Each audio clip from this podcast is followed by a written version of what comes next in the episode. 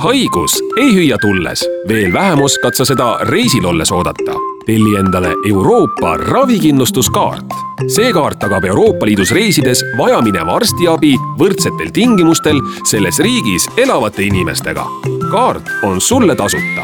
täpsem info haigekassa.ee Kuku Raadios välja öeldud seisukohad ei pea ühtima Kuku Raadio seisukohtadega.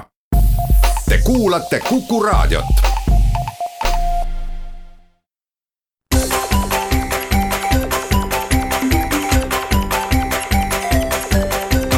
maksumaksja koostöös Eesti Maksumaksjate Liiduga. tere päevast, eetris on saade Maksumaksja, mikrofoni ees on Lasse Lehis. täna räägin Tallinna müügimaksust. iseenesest äh, peaks see maks olema meil ära unustatud ja ajaloo hõlma vajunud, sellepärast et äh, kehtis ta kahe tuhande kümnenda aasta suvest äh, üheteistkümnenda aasta lõpuni esimesest jaanuarist kaks tuhat kaksteist on müügimaks kohalike maksude nimekirjast äh, maha tõmmatud ja pole nagu põhjust justkui äh, midagi arutada, kuid äh, teatud protsessid võtavad kauem aega. ja praeguseks oleme olukorras, kus kohtuvaidlused ei ole ära lõppenud ja kestavad veel päris hulk aega. nimelt juba siis, kui Tallinn kahe tuhande üheksanda aasta lõpus tegi teatavaks oma kavatsuse selline maksuliik äh, kehtestada. toodi üsna mitmest kohast välja see, et äh, võib juhtuda nõnda, et äh, Euroopa Liidu direktiivid sellist maksu ei luba kehtestada. asi on selles, et kohalike maksude seadus pärineb aastast tuhat üheksasada üheksakümmend neli ja Euroopa Liiduga liitumisel ei ole sellist põhjalikku analüüsi tehtud, äh, müügimaks jäi rahulikult edasi kehtima ja keegi sellele tähelepanu ei pööranud. enne kui kõige suurem omavalitsus äh, müügimaksu praktikas rakendas, siis hakati näpuga nende paragrahvide peale näitama. ja juba algusest peale oli see mm, küsimus õhus, et kas leidub ettevõtjaid, kes julgevad Tallinna linna vastu kohtusse minna, keelduda müügimaksu maksmisest või seda tagasi küsida alguses äh, tundus, et neid huvilisi justkui oli palju, siis äh, kuidagi rauges ja lõpuks jäid äh, alles mõned üksikud, kuid siiski küllaltki suured ettevõtted, kes siiski küll jah, tagantjärgi seda maksu tagasi küsivad. üks ring Euroopa kohtus on meil tegelikult juba mitu aastat tagasi käidud. tolleaegse nimega Statoil vaidlustas müügimaksu aktsiisikaupade osas ehk äh, eelkõige kütuse, aga ka alkoholi käibelt äh, leidsid nad, et müügimaksu maksta ei tuleks. tubakatoodetelt oli ta juba maha äh, võetud enne seadusemuudatusega. aga muude kaupade osas Statoil tookord vastu ei vaielnud ja Euroopa kohus vaagis siis ainult müügimaksu kooskõla spetsiifiliselt siis aktsiise puudutava direktiiviga ja leidis, et on vastuolu. mis lõppes siis sellega, et päris korralik summa tuli Tallinna linnal Statoilile tagasi maksta aga nüüd on siis jõudnud Euroopa kohtusse järgmine vaidlus, kus seesama Tallinna müügimaks on siis kahtluse alla seotud teise direktiivi valguses ehk siis käibemaksu direktiivi osas. ja mm, suvel, esimesel augustil riigikohus tegi vastava lahendi, kus ta siis äh, peatas Eestis käimasoleva kohtuvaidluse ja esitas Euroopa Liidu kohtule küsimuse, kas sellisel viisil kehtinud maks on kooskõlas äh, käibemaksu direktiivi rakendussättega ehk äh, artikliga nelisada üks miks see kõik nii kaua aega võttis, noh kohtuasjad venivadki ja kui on tegemist vajadusega pöörduda Euroopa kohtu poole, siis on, on see mõnes mõttes paratamatu. aga olgu öeldud, et üks põhjus, miks need asjad venivad, on ka aegumistähtaegades. nimelt praeguseks on siis see lahend kõikide teiste jaoks, välja arvatud siis konkreetselt praegu vaidluse pooltele ehk, ehk Selveri ja, ja Kaubamaja grupi ettevõtetele õppeotstarbeline, sellepärast et kui millal iganes äh, Euroopa kohtust ka see otsus tuleb, et kui sealt tuleb tõesti otsus, et Tallinn ei oleks tohtinud sellist maksu üldse kehtestada, siis ega tagasi keegi enam küsida midagi ei saa, sellepärast et kolm aastat on seaduse järgi see aeg alates siis maksu deklareerimisest, kus nii-öelda ärkamine ja märkamine peab toimuma. siis, kes kolme aasta jooksul ei ole oma pretensioonidega välja ilmunud, oodates mis iganes siis äh, soodsaid olusid või õpetlikku lahendit, siis äh, nendel nagu tagantjärgi jälle selle tarkusega midagi peale hakata. nii et Tallinna linnal on riskid ära kaardistatud, summa, mis praeguses vaidluses üleval on, on, on raamatupidamises ära märgitud kui potentsiaalne tulevikus tekkiv kulu mis siis sõltuvalt kohtulahendist, kas tuleb tagasi maksta või mitte. summa iseenesest on miljonites, aga vähemalt äh, on teada, et enam rohkem keegi tagasi küsima ei, ei tule äh, meenutada siis müügimaksu ajalugu, nagu ma ütlesin, üheksakümne neljandast aastast kohalike maksude seadus kehtib ja üks maksuliik, mida siis omavalitsustele välja pakuti lisaks siis kogu Eestis kehtivale tavalisele käibemaksule oli siis müügimaks, et kohaliku valla või linna territooriumil tegutsevad kaubandus- ja teenindusettevõtted oleksid siis pidanud oma käibelt ühe protsendi kvartalis kohalikku eelarvesse maksma.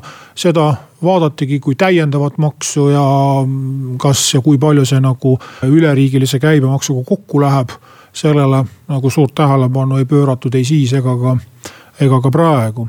Miks, miks varem keegi pretensiooni esitanud, sellepärast et enne Tallinnat müügimaksu praktiseeriti kord ühes, kord teises kohas, Maardu linnas näiteks, Harku vallas, Jõhvis, Haapsalus vahelduva eduga aga asi ongi selles, et Eesti mastaap on lihtsalt selline, et niikaua kui midagi pole toimunud Tallinnas, nii kaua seda ei märgata. Ja kuidas Haapsalu või Maardu ettevõtjad äh, müügimaksu üle elasid äh, keegi nagu ei tundnud ka selle vastu huvi, et äh, tookord, kui, kui Tallinn müügimaksu hakkas kehtestama, siis Maksumaksjate Liit tegi ka päringuid, ma mäletan nii, nii Harku vallale kui, kui Maardu linnale sai kirjutatud ja küsitud igasuguseid asju, kuidas selle müügimaksu arvutamine täpselt välja käib, siis Maardu. Maardu linnas ilmselt kombed ongi sellised, et nemad lihtsalt ei vastanud. ja Harku vald vastas, et väga huvitavad küsimused, et me pole siiamaani ise selliste küsimuste peale tulnud ja, ja keegi pole meilt neid kunagi esitanud, ehk siis kõik on maksnud täpselt nii, nagu nad ise, ise nagu aru said ja heaks arvasid. aga jah, nii kui see maks Tallinnas kehtestati, läks nagu tõsine lärm äh, lahti ja sealhulgas ka siis kõikvõimalike äh, nii-öelda juriidiliste seisukohtadega vastastikune pommitamine, äh, mis mõnes mõttes mõjutas ka õigusloome kvaliteeti, ehk siis Tallinna linnas müügimaksumääruse ettevalmistamisel, siis oli ka rohkem küsimusi ettevõtjate poolt, äh, pretensioone selliste probleemsete ja, ja, vastuoluliste kohtade väljatoomist, et siis äh, Tallinna linn nagu omaalgatuslikult kirjutas äh, lahenduskäike juurde, ehk siis see paragrahv, mis kohalike maksude seaduses on, on nagu suhteliselt lakooniline. ja noh, sisuliselt Tallinn kirjutas nagu pool käibemaksuseadust sinna müügimaksu määrusele juurde osaliselt siis ka ajendatuna Maksumaksjate Liidu poolt kokku kogutud ettevõtjate küsimustest, et neile äh, siis mingi mõistlik vastus äh, anda nagu sai öeldud, siis riigi poolt reaktsioon Tallinna müügimaksule oli see, et kohalike maksude seadust muudeti. see maks kaotati ära ja alates kahe tuhande kaheteistkümnendast aastast seda maksu enam mitte kusagil ei ole ja ei saagi olla, aga mis mõtet siis sellel Euroopa Kohtus vaidlemisel on lisaks sellele, et, et konkreetne ettevõte, kas saab maksu tagasi või mitte, miks, miks, miks sellest täna rääkida. on see, et äh, on tõstatatud tegelikult küsimus, et äh, kohalike maksude seadust saab ju alati muuta. ja on kindlasti omavalitsusi, kes tahaksid müügimaksu rakendada, kui seda neil lubataks. ja seetõttu on ikkagi vaja teada, kas Euroopa õigus äh, võimaldab sellist maksu kehtestada või mitte, et uisapäisa uusi probleeme endale kaela ei tõmbaks. aga milles siis need küsimused nagu seisnesid või mida me Euroopa Kohtult äh, siis äh, ootame, sellest kohe pärast väikest pausi.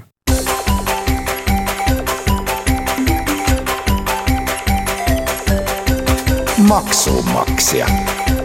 Koostöös Eesti Maksumaksjate Liiduga. Saade Maksumaksja jätkab, täna räägin Tallinna müügimaksust, mis on lokaalsest probleemist saanud mitte just päris ülemaailmseks, aga Euroopa Liidu tasandil õigusvaidluseks, sellepärast et äh, riigikohus esimesel augustil äh, pöördus eelotsuse küsimusega Euroopa Kohtu poole ja soovitakse siis teada, kas käibemaksu direktiiv lubab sellise maksu kehtestamist. millest see direktiiv räägib, tegemist on käibemaksu direktiivi ülemineku sättega ja selle taga on pikk ajalugu. nimelt siis, kui Euroopa Liidus selline maks nagu meil kehtiv käibemaks välja mõeldi, siis kõige esimeses direktiivis, mis pärineb aastast tuhat üheksasada kuuskümmend kaheksa, lisati ka siis selline klausel, et äh, uue maksu kehtestamisel tuleb vanad maksud ära kaotada, kuna erinevad nii-öelda põhimõttel toimivad käibemaksud hakkaksid üksteist segama. ja siin ongi nagu see see koer maetud, ehk siis see Tallinna müügimaks ongi see nii-öelda vana tüüpi käibemaks, mida rakendati Euroopas äh, siis kuni, kuni ühtlustamiseni, siis mõned riigid siin kuuekümnendateni, mõned seitsmekümnendateni, mõned kaheksakümnendateni. aga, aga selline Tallinna stiilis müügimaks kehtib edukalt äh, Ameerika Ühendriikides ja seal äh, ei ole mingeid märke, et see niipea ära kaoks. aga küsimus ongi selles, et saab olla kas üks või teine, aga mitte kaks maksu korraga ja kuna Euroopa Liit on oma valikud ammu teinud, siis äh, ongi küsimus, et äh, kas, äh, kas ja milliseid nii-öelda lisamakse või erimakse võib siis sellise üldise lisandunud maksuväärtuse kõrval olla. mis need põhilised erisused on, lisandunud väärtuse maks on siis mitmeetapiline maks, kus siis iga ettevõtja maksab seda käibemaksu ja saab siis sisendkäibemaksu maha arvata. müügimaksu klassikalisel kujul maksab ainult jaekaubanduse etapp ehk siis eh, kõik, mis toimub tootmises, hulgikaubanduses, varasemates asjades jääb lihtsalt maksustamata.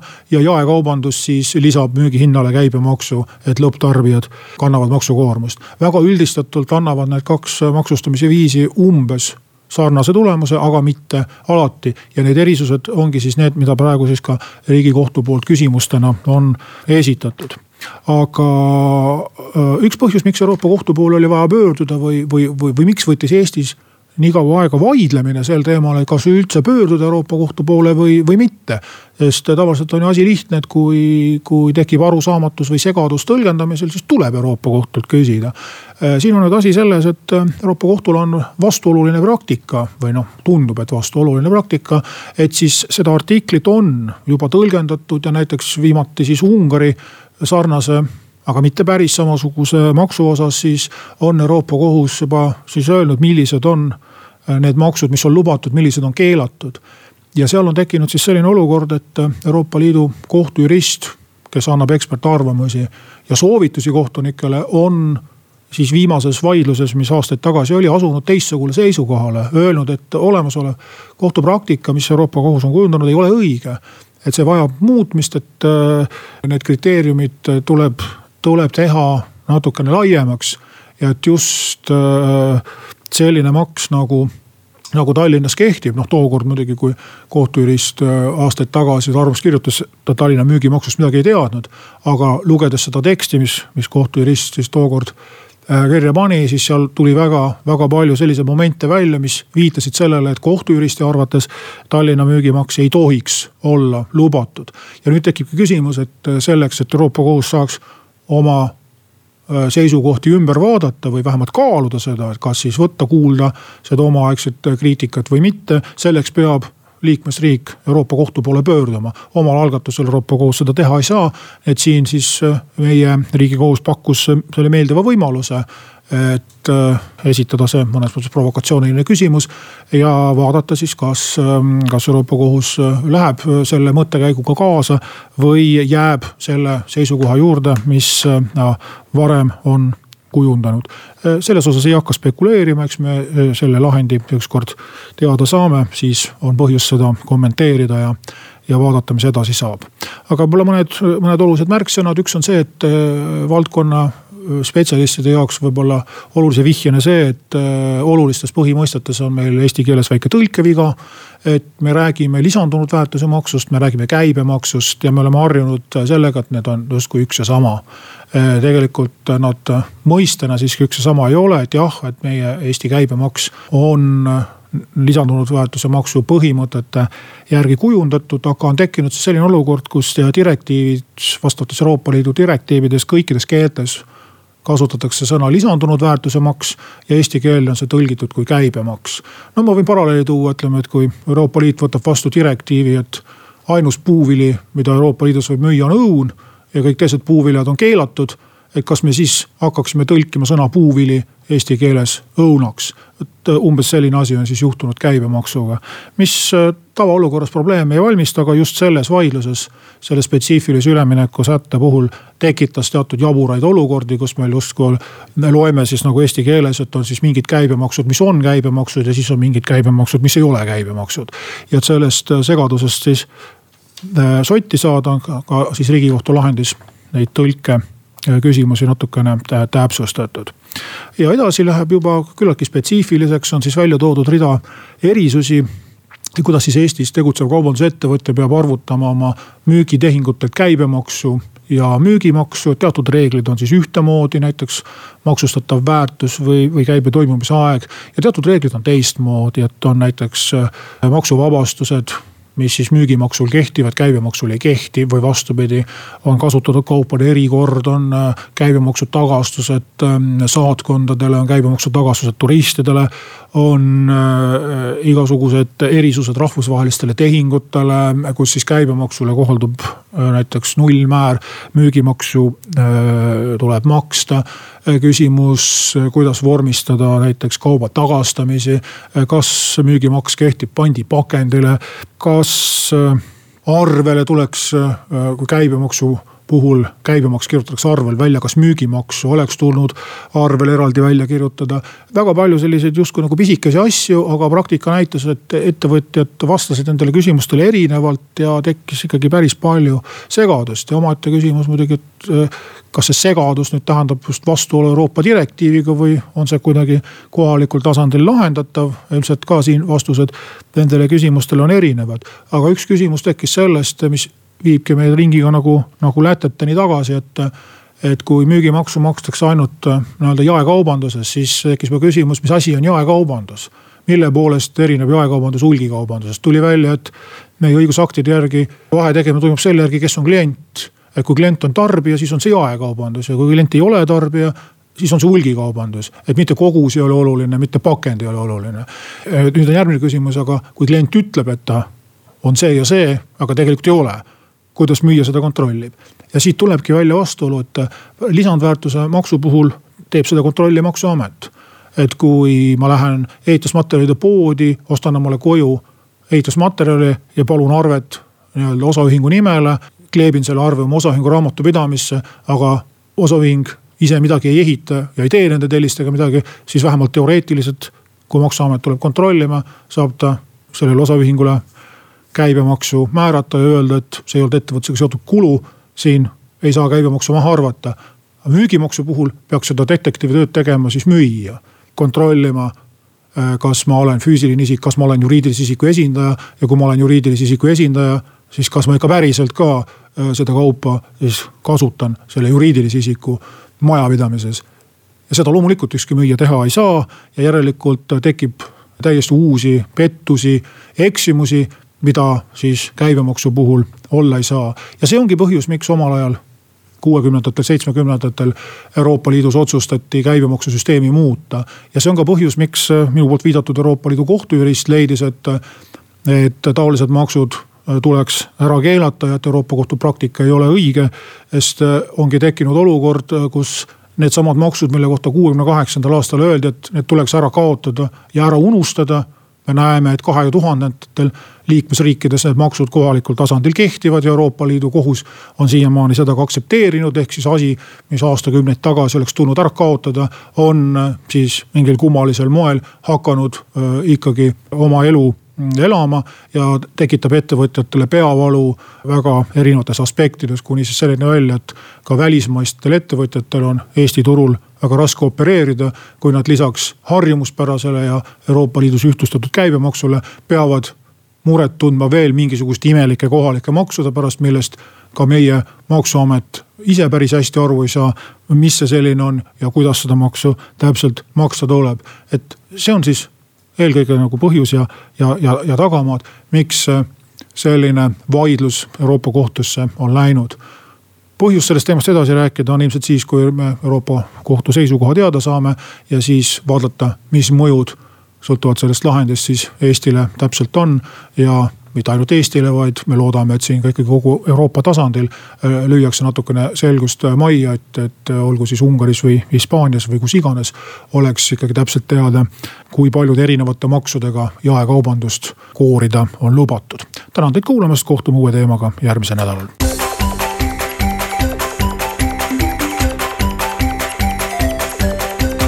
maksumaksja koostöös Eesti Maksumaksjate Liiduga